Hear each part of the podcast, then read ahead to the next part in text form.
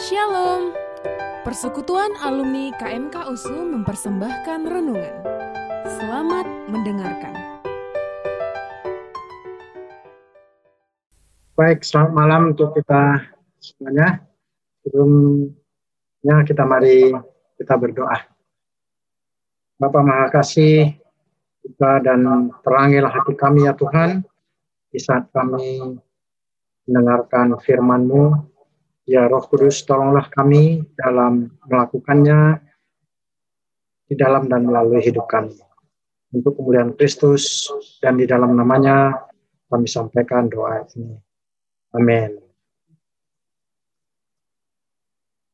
Saya akan bacakan untuk kita dari 2 Timotius pasal yang kedua, ayat 1 sampai yang ke-13. Sebab itu, hai anakku, jadilah kuat oleh kasih karunia dalam Kristus Yesus. Apa yang telah engkau dengar daripadaku di depan banyak saksi, percayakanlah itu kepada orang-orang yang dapat dipercayai, yang juga cakap mengajar orang lain. Ikutlah menderita sebagai seorang prajurit yang baik dari Kristus Yesus. Seorang prajurit yang sedang berjuang tidak memusingkan dirinya dengan soal-soal penghidupannya. Supaya dengan demikian ia berkenan kepada komandannya. Seorang olahragawan hanya dapat memperoleh mahkota sebagai juara apabila ia bertanding menurut peraturan peraturan olahraga. Seorang petani yang bekerja keras haruslah yang pertama menikmati hasilnya. Perhatikanlah apa yang kukatakan. Tuhan akan memberi kepadamu pengertian dalam segala sesuatu. Ingatlah ini. Yesus Kristus yang telah bangkit dari antara orang mati yang telah dilahirkan sebagai keturunan Daud, itulah yang kuberitakan dalam Injilku. Karena pemberitaan Injil inilah aku menderita, malah dibelenggu seperti seorang penjahat. Tetapi firman Allah tidak terbelenggu. Karena itu aku sabar menanggung semuanya itu bagi orang-orang pilihan Allah. Supaya mereka juga mendapat keselamatan dalam Kristus Yesus dengan kemuliaan yang kekal. Benarlah perkataan ini. Jika kita mati dengan dia, kita pun akan hidup dengan dia. Jika kita bertekun, kita pun akan ikut memerintah dengan dia. Jika kita menyangkal dia, dia pun akan menyangkal kita. Jika kita tidak setia, dia tetap setia. Karena dia tidak dapat menyangkal dirinya. Sampai sedemikian jauh pembacaan kita. Jadi pertama, senang sekali bisa uh, ketemu dengan banyak senior-senior saya juga di sini ya, kelihatan lama sudah ketemu, bisa ketemu sekarang, suatu sukacita yang yang luar biasa bagi saya bisa bersama-sama. Saya diminta untuk membahas tentang penderitaan. Ya, penderitaan penerima Injil. Ini satu topik yang sangat penting sekali karena Injil itu terkait dengan penderitaan. Bahkan penderitaan itu adalah jalan kepada kemuliaan. Nah inilah hal yang penting daripada apa yang akan kita bahas pada malam hari ini. Penderitaan. Ya, kalau kita bicara penderitaan menerima Injil, maka ada dua hal yang perlu kita lihat. Penderitaan menghidupkan Injil itu sendiri karena kita berjumpa dengan Injil itu mengakibatkan penderitaan di dalam hidup kita Dan juga yang kedua kemudian adalah penderitaan karena menyaksikan, memberitakan Injil itu kepada orang-orang lain. Jadi ini dua aspek dari penderitaan. Jadi penderitaan yang pertama yang kita akan alami adalah penderitaan karena kita berjumpa dengan Injil. Berjumpa dengan Injil itu langsung mem menciptakan penderitaan di dalam hidup. Dan kemudian ketika kita menyaksikan Injil itu kepada orang-orang sekitar kita, itu juga merupakan satu penderitaan. Penderitaan yang pertama adalah penderitaan yang tadi saya katakan penderitaan menghidupkan Injil itu menimbulkan penderitaan di dalam diri kita. Penderitaan yang dikatakan oleh Paulus menanggalkan manusia lama. Ini satu proses yang panjang dalam hidup kita. Paulus mengungkapkan penderitaan ini, dia gambarkan penderitaan ini di dalam Kolose pasal yang ketiga. Nah, saya akan bacakan saja kepada kita. Kolose pasal yang ketiga. Ayat 5 sampai ke 11. Ya, jadi nanti kalau mau uraian lebih panjang tentang bagian ini bisa dilihat dalam buku tafsiran saya surat Kolose yang diterbitkan oleh BPK.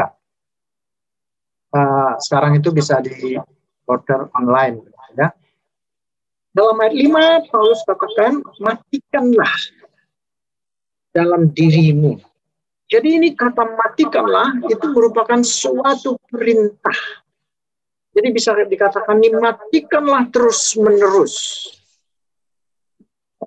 dalam dirimu. Dan ini kata kerja aktif yang harus kita lakukan.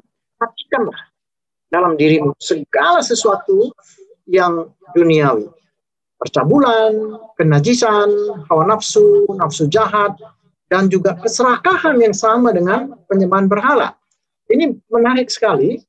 Paulus mengatakan bahwa orang yang serakah itu itu identik dengan orang yang menyembah dewa-dewa, menyembah berhala.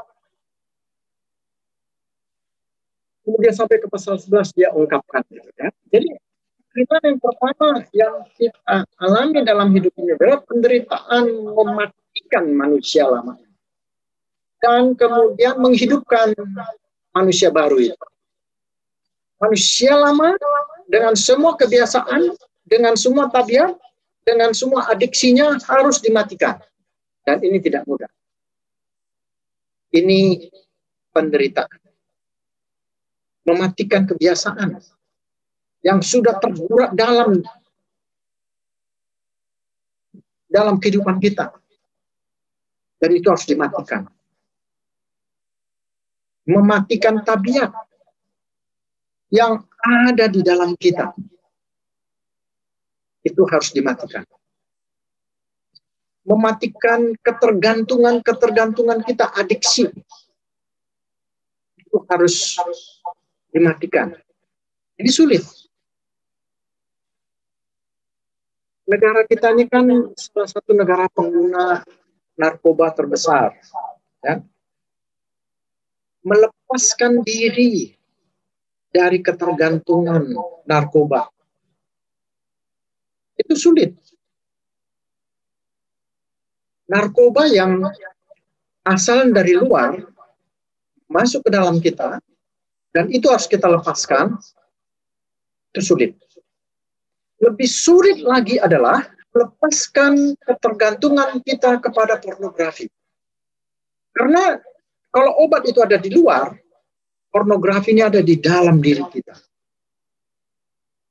Itu sulitnya minta ampun. Jadi bagi saya tidak heran, Indonesia ini negara dengan pengguna pornografi yang besar juga. Orang-orangnya religius, beragama, pornografinya pun taat. Apakah hanya jemaat saja? Tidak. Banyak juga itu hamba-hamba Tuhan. Ini harus ditanggalkan. Dan itu sulit. Manusia lama kita mengatakan serakah, ya, ambil saja sebanyak-banyaknya. Coba bayangkan misalnya ya, ada orang datang, katakanlah saat ini engkau pejabat tinggi. Ada orang datang bawa cover, satu cover, isinya uang euro sama dolar. Nggak ada yang lihat. Gimana? Itu sulit. Itu penderitaan. Atau penderitaan yang lebih seru lagi adalah penderitaan yang disebabkan oleh pulpen. Loh, pulpen bisa menderita? Iya. Di Indonesia ini kan kamu disuruh tanda tangan, ini Pak tanda tangan. Barangnya mana? Ada Pak. Loh, di mana? Ada Pak di gudang. Gudang di mana? Ada Pak di gudang. Tanda tangan saja Pak. Itu penderitaan. Kalau tidak ditandatangani, satu kantor memusuhimu. Itu penderitaan. Menanggalkan manusia lama. Termasuk tadi keserakahan yang sama dengan penyembahan berhala. Ini penderitaan yang terus-menerus kita harus matikan. Sampai kapan? Sampai kita terbaring horizontal. Selama kita berdiri vertikal, matikanlah manusia lama. Kalau nanti kita sudah dipanggil Tuhan, itu sudah selesai. Hmm. Ini tadi penjelasan yang lebih baik, uh, lebih jelas tentang bagian itu di buku yang saya tulis. Kalau kita lihat tadi bacaan kita tadi ini, digambarkan Paulus dengan tiga metafora, ya, prajurit, atlet, dan petani. Prajurit itu memang dididik untuk siap-siap mati. Jadi kematian bagi seorang prajurit bukan ketakutan, memang dipersiapkan dia untuk mati. Dan prajurit itu tidak perlu memikirkan banyak hal kecuali satu dalam hidupnya itu memenangkan perang atau mati. Atlet juga begitu. Dia berjuang, berlatih habis siang malam untuk satu tujuan, memenangkan pertandingan. Dia tidak memusingkan hal-hal yang lain. Dia hanya punya satu tujuan saja, berlatih untuk memenangkan pertandingan. Demikian juga petani bekerja keras panjang hari. Untuk apa? Untuk menghasilkan panen yang baik. Paulus juga mengatakan dalam bagian kita ini tadi, dia katakan ya, karena pemberitaan Injil aku menderita.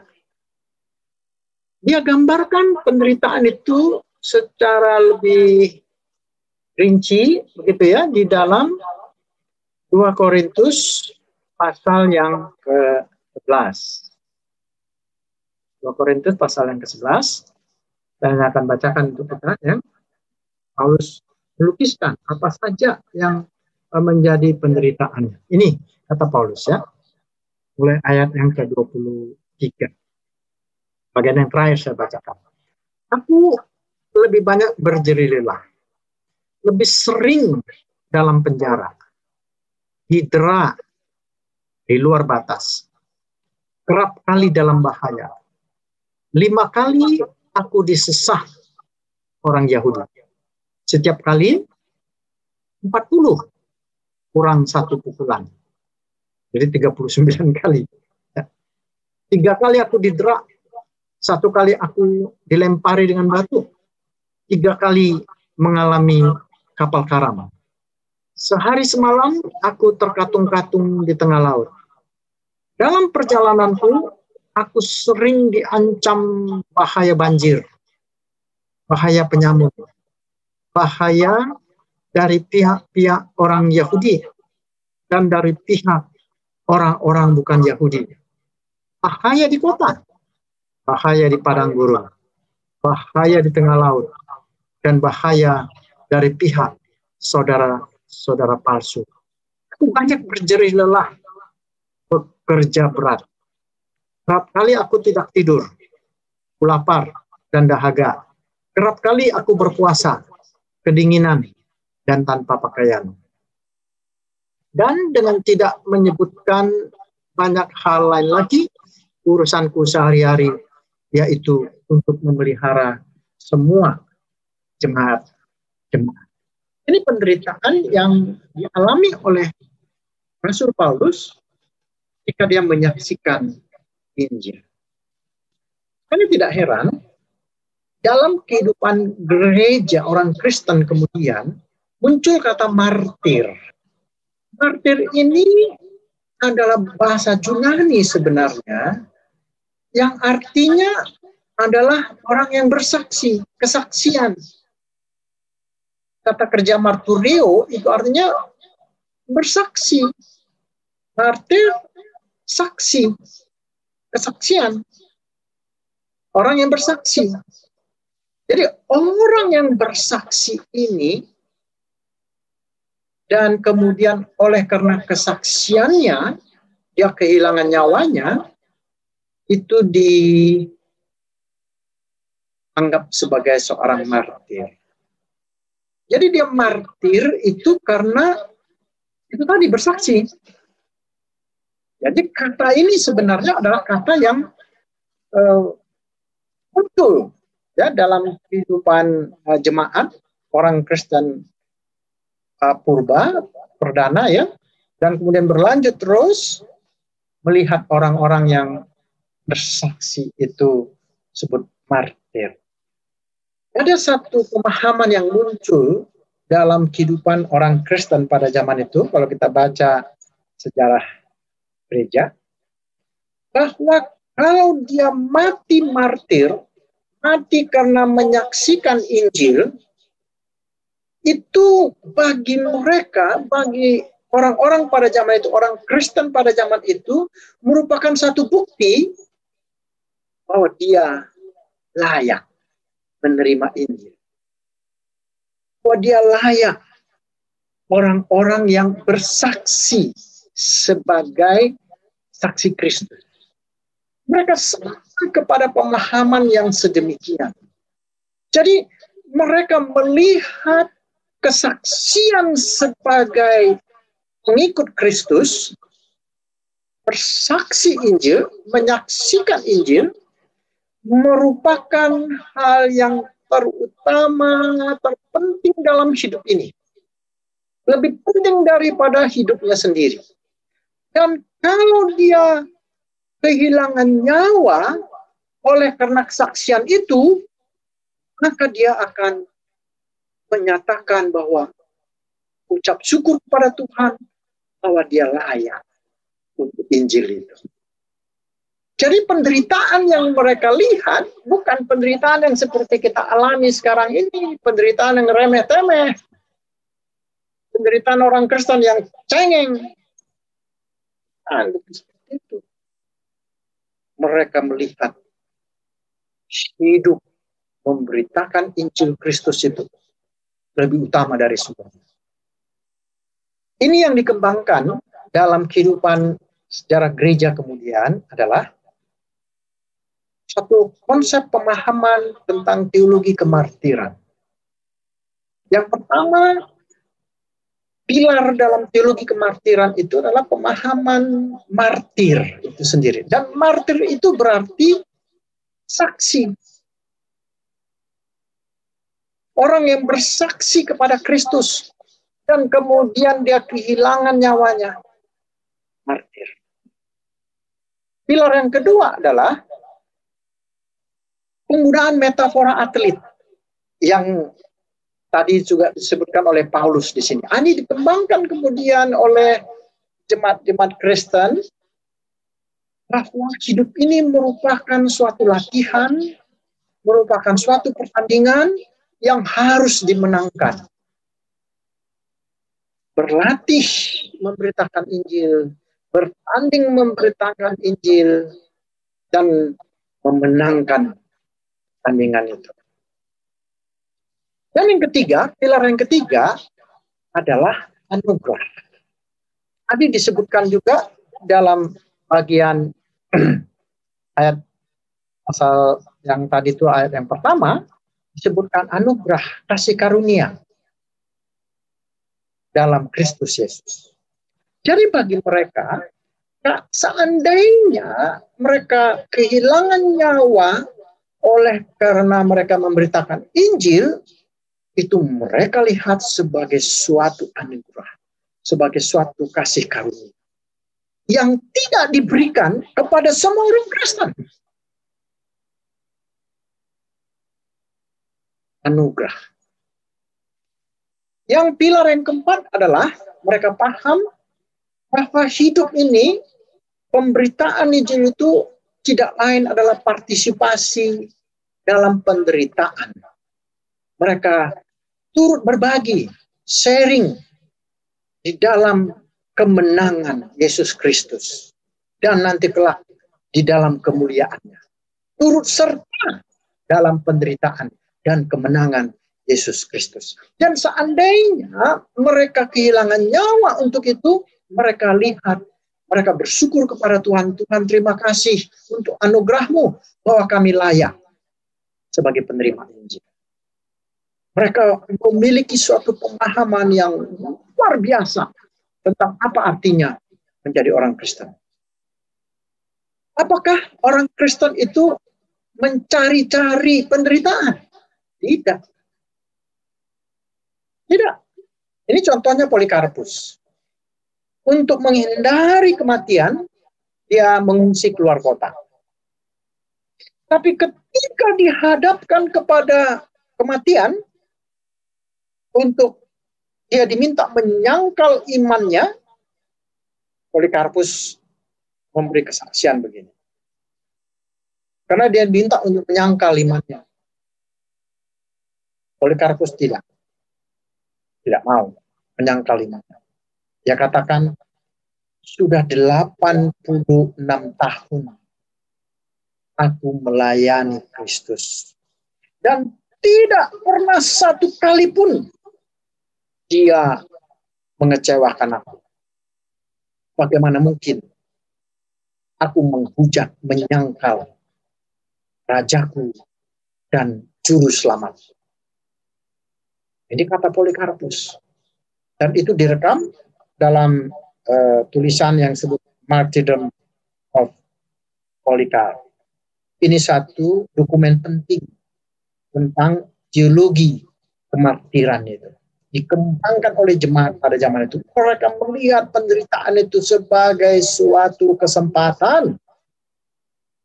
Hidup ini adalah kesempatan, itu kata kita. Tapi bagi orang Kristen, zaman dulu itu mereka mengatakan penderitaan itu adalah kesempatan. Tidak semua orang diberikan hak untuk martir. Kalau mereka martir, diperhadapkan dengan pilihan menyangkal Kristus atau mengikut Kristus. Kalau menyangkal Kristus hidup, kalau mengikut Kristus mati, mereka akan pilih mati. Mereka akan pilih penderitaan. Jadi mereka memiliki suatu pemahaman yang hebat, yang luar biasa tentang apa artinya penderitaan. Jadi mereka tidak hanya bergumul tentang penderitaan karena mereka menerima Injil, penderitaan menanggalkan manusia lama, tapi mereka juga menderita oleh karena mereka memberi kesaksian tentang Injil itu. Dan Polikarpus ini dalam tulisan itu ya, martyrdom itu, ini satu dokumen yang penting kalau kita mau memahami tentang uh, penderitaan orang Kristen zaman dulu. Saya kembali ke ayat 1. Kenapa kita bisa bertahan menghadapi penderitaan? Ya, penderitaan yang kita alami sekarang ini itu sudah begitu mencekam nampaknya ya. Karena uh, virus ini. virus corona. Virus ini mengubah secara radikal kehidupan kita. Kehidupan dalam semua aspek.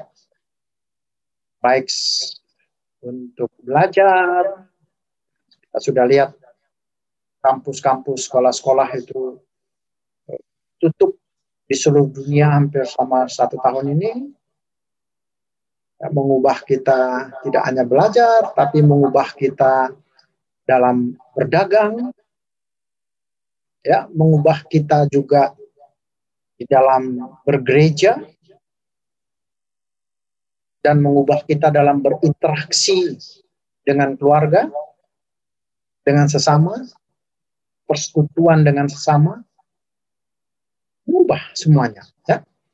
Ayat satu ini terjemahan yang tepat itu adalah begini dia ya. Jadi terjemahannya yang paling tepat itu bukanlah jadilah kuat.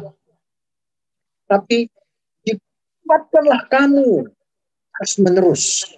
Jadi ini suatu kata kerja yang berlangsung terus menerus, bukan hanya sekali ya dikuatkan. Dia, dia bentuknya bukan aktif, bukan kata kerja aktif, tapi kata kerja pasif. Jadi sesuatu yang dikerjakan di dalam diri kita. Dikuatkanlah kamu oleh apa? Kasih karunia, oleh anugerah dalam Kristus Yesus. Itu yang membuat kita bisa bertahan di dalam penderitaan. Dengan kekuatan kita sendiri, itu tidak mungkin. Mustahil. Jadi kenapa orang Kristen, kenapa Paulus kuat? Karena ini rahasianya. Dikuatkanlah. Jadi ada yang menguatkan dia. Ah kamu. Kan itu bukan sekali-sekali. Bukan dikatakan dikuatkanlah kamu kadang-kadang. Atau dikuatkanlah kamu kalau kamu baik. Tidak. Dikuatkanlah kamu terus terus. Oleh apa? Anugerah.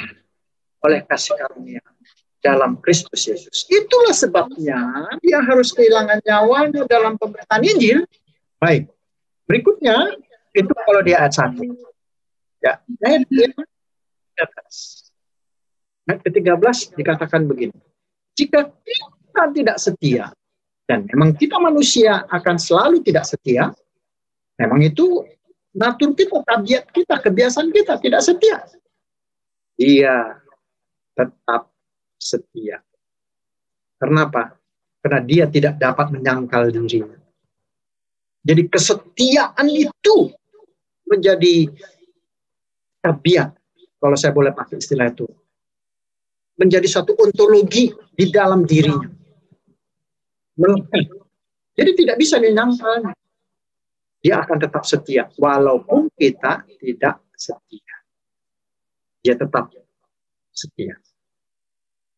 Jadi kalau kita menderita karena Injil, menderita memberitakan Injil, menderita menghidupkan Injil, Paulus katakan, dikuatkanlah kamu terus menerus oleh kasih karunia dalam Kristus Yesus. Dan kalaupun kamu tidak setia, dia tetap setia. Allah tetap setia. Yesus tetap setia. Dia tidak akan melepaskan kita. Walaupun kita lari. Walaupun kita tidak setia. Dia tetap setia. Kesetiaan yang akan tetap terus-menerus mengejar kita di dalam ketidaksetiaan kita. Jadi akhirnya kalau kita lihat di sini ya, tidak hanya agama Kristen itu lahir di tengah-tengah penderitaan, tapi penderitaan itu dilihat oleh orang Kristen pada zaman dahulu itu adalah jalan menuju kemuliaan. Seperti Tuhan Yesus juga. Penderitaan itu adalah jalan pada kemuliaan. Jadi kita itu tapi tidak berarti bahwa kita harus mencari-cari penderitaan. Penderitaan itu nggak usah dicari. Begitu kita menghidupkan Injil, kita dengan penderitaan. penderitaan tadi yang pertama apa? Penderitaan menanggalkan manusia lama. Menanggalkan keserakahan. Menanggalkan keserakahan itu tidak mudah. Karena kita pada dasarnya, pada tabiatnya, tabiat kita itu tabiat serakah. Memang itu bagian dari kita. Itu mustahil. Dan penderitaan itu jangan menuju kemuliaan. Ada aspek lain dari penderitaan itu adalah kalaupun kita menderita, syukur berterima kasihlah. Karena apa? Melalui penderitaan itu kita akan mengenal Allah lebih dalam. Inilah teologi salib, pengertian salib. Ketika Tuhan Yesus disalibkan, kita mengenal dua sifat Allah dengan terang benderang. Pertama adalah kasihnya. Di kayu salib kita mengenal sedalam-dalamnya karena Allah membuka dirinya siapa dia, siapa kasihnya. Itu di kayu salib. Tapi di kayu salib juga kita mengenal apa? Kekudusan Allah. Keadilan Allah. Jadi dua hal ini. Kekudusan Allah, kasih Allah itu jelas terbuka dan salib. Bagaimana dengan sifat-sifat Allah yang lain? Masih samar-samar diungkapkan. Belum seluruhnya itu diungkapkan, dibukakan kepada kita. Jadi kalau menderita, berterima kasih, bersyukurlah. Tapi jangan cari-cari penderitaan. Karena kamu nggak perlu cari-cari penderitaan. Dengan menanggalkan manusia lama, itu sendiri sudah merupakan penderitaan. Tapi jangan berhenti di situ.